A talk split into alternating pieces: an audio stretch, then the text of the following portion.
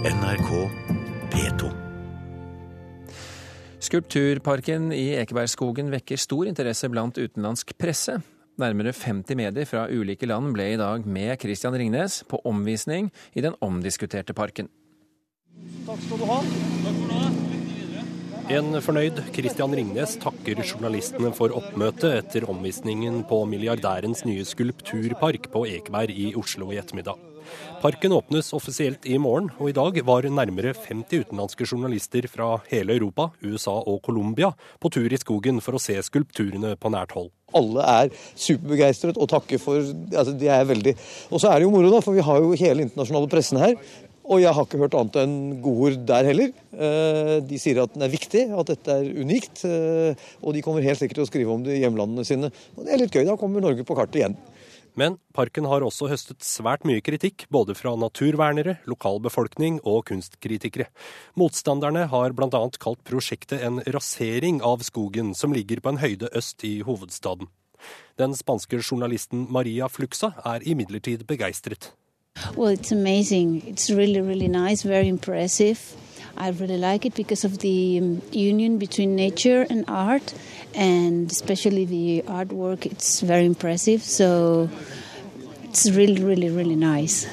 So this is like another um, reason to come to visit, and another reason or something else that says that Oslo is becoming a very important city in Europe.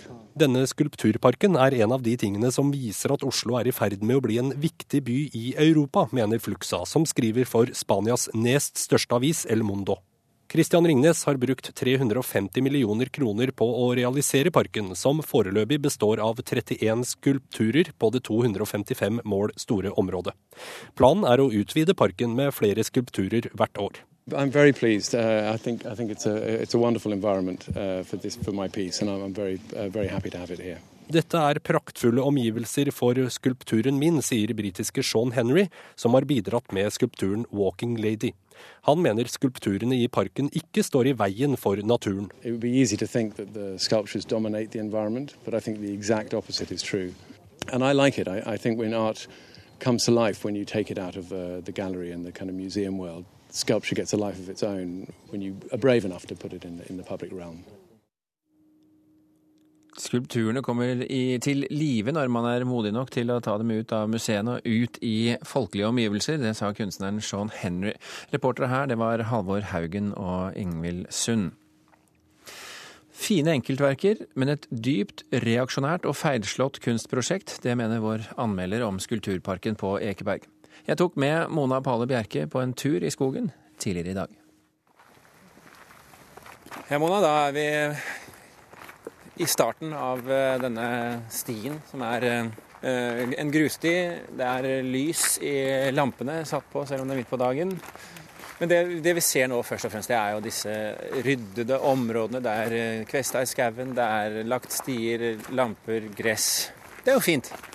Ja, og det er ikke noe tvil om at det er fint. Dette er jo et uh, område som har vært uh, ganske rufsete, og som har forfalt veldig. Og det, så jeg har absolutt lyst til å begynne med å gi litt ros til Christian Ringnes og si at han har jo ryddet fantastisk opp her. Også nå for noen år siden pusset opp Ekeberg-restauranten. Og det er klart, det må vi være veldig takknemlige for. Det må vi. Men så er det jo denne skulpturparken. Vi går og tar en titt. Nå skal vi finne et, et godt eksempel. Ja, det er veldig mye bra verker her. Og det må jeg si at kvaliteten er generelt sett høy på skulpturene. Og her vil jeg også rose Ringnes, for han har vært mottakelig for kritikk. Og har latt seg på en måte justere underveis i denne prosessen. Og han har hørt på sine kunstfaglige rådgivere, som har bedt han droppe noen skulpturer og innlemme andre. Og det er veldig flott. Men her, jo... men her ser vi jo da noe som er ja, Hva har dette med kvinner å gjøre? Dette er James Turrell, som er en stor amerikansk kunstner som har jobbet med lys gjennom hele sitt kunstnerskap. Og Det som er fantastisk med dette arbeidet, er at du går altså inn i ganger som altså er bl.a. lyssatt eh, tidvis. Og så kommer du inn under en dam som de da har anlagt. Og så er tanken at du skal oppleve lyset, da. Særlig, særlig da skumring og demringslyset gjennom eh, vannet. Så det er jo helt fantastisk. Og her må man komme da ved soloppgang, eller før soloppgang, og etter solnedgang for å oppleve dette verket på sitt mest eh, fullkomne. Dette er jo et fantastisk eh, verk. Her har vi et annet eksempel på Ja. noe du for så vidt Jeg har inntrykk av at du liker. Nei, altså Marilyn Monroe av Richard Hudson, som er altså en, en eh, halvabstrakt form, hvor vi gjenkjenner helt klart denne legendariske stjernens smale midje. Og em, litt sånn eh, formfullendte bak, og også brystene. Det er jo litt den liksom tolker henne sånn celloform, eller fiolinform, om du vil.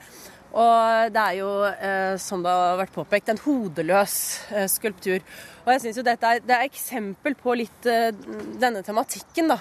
Hvordan kvinnen gjennomgående i denne parken dyrkes som kropp, som sensualitet, som et mykt og på en måte litt sånn irrasjonelt og eh, vesen. Det er ikke den tenkende kvinnen eh, vi møter her, det er kvinnen som kropp.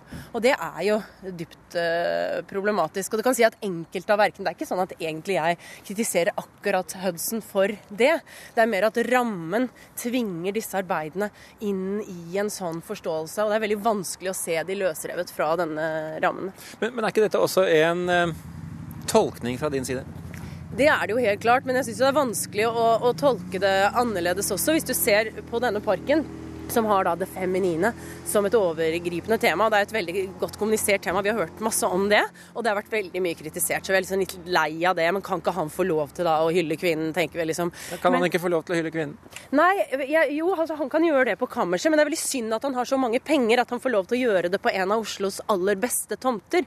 Fordi den måten han hyller kvinnen, det opplever jeg er dypt reaksjonært. Jeg mener at dette er en symbolsk maskulin eh, maktutøvelse, rett og slett. Fordi han Og det er jo, det er jo eh, sant, en, en forståelse av kvinnen som vi har brukt da i halvannet århundre på å bryte ned.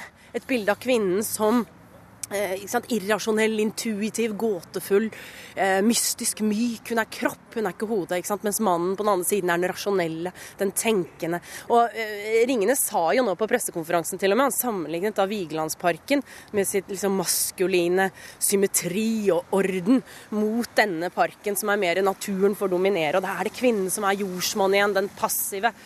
Selve liksom den som skal befruktes og bestiges. Og det er jo veldig det, den tematikken som eh, vi ser her. Den mytiske forestillingen om kvinnen som et begjærsobjekt. En, en, en person som liksom kan lene sine svanemyke former mot uh, mannens blikk. Men uh, Mona Palle Bjerke, kan vi ikke få lov til å være litt politisk ukorrekte oppi liet her, da? Jeg syns ikke det. Fordi at det, og dette er jo så hinsides, så, så beyond politisk ukorrekt som det går an. Altså, jeg tenker at her har likestillings, den ambis- ambisiøse likestillingsnasjonen Norge eh, på en måte solgt sjela si litt for å få opprustet dette området, og det syns jeg er litt leit. fordi det hjelper ikke at det er skulpturer i verdensklasse her. Når det på en måte favnes av et sånt konsept som formidler en så foreldet, et så foreldet og eh, forkvaklet kvinnesyn. Er det konklusjonen din? Ja, konklusjonen min er at eh, hvis man hadde greid det, så måtte man prøve å se disse mange fantastiske kunstverkene enkeltvis. Og prøve å glemme den rammen. Men det tror jeg ikke er mulig. Både fordi at det er så vært så mye snakk om den, men også fordi at den er tydelig. Selv om dette er, selv om det fins mange arbeidere i utkanten av denne tematikken som på en måte ikke er direkte eh, knyttet til kvinnen som kropp og som kjønnsobjekt. Ja, det sa altså Mona Palle Bjerke på vår lille skogtur på Ekeberg tidligere i dag. Hør flere podkaster på nrk.no Podcast.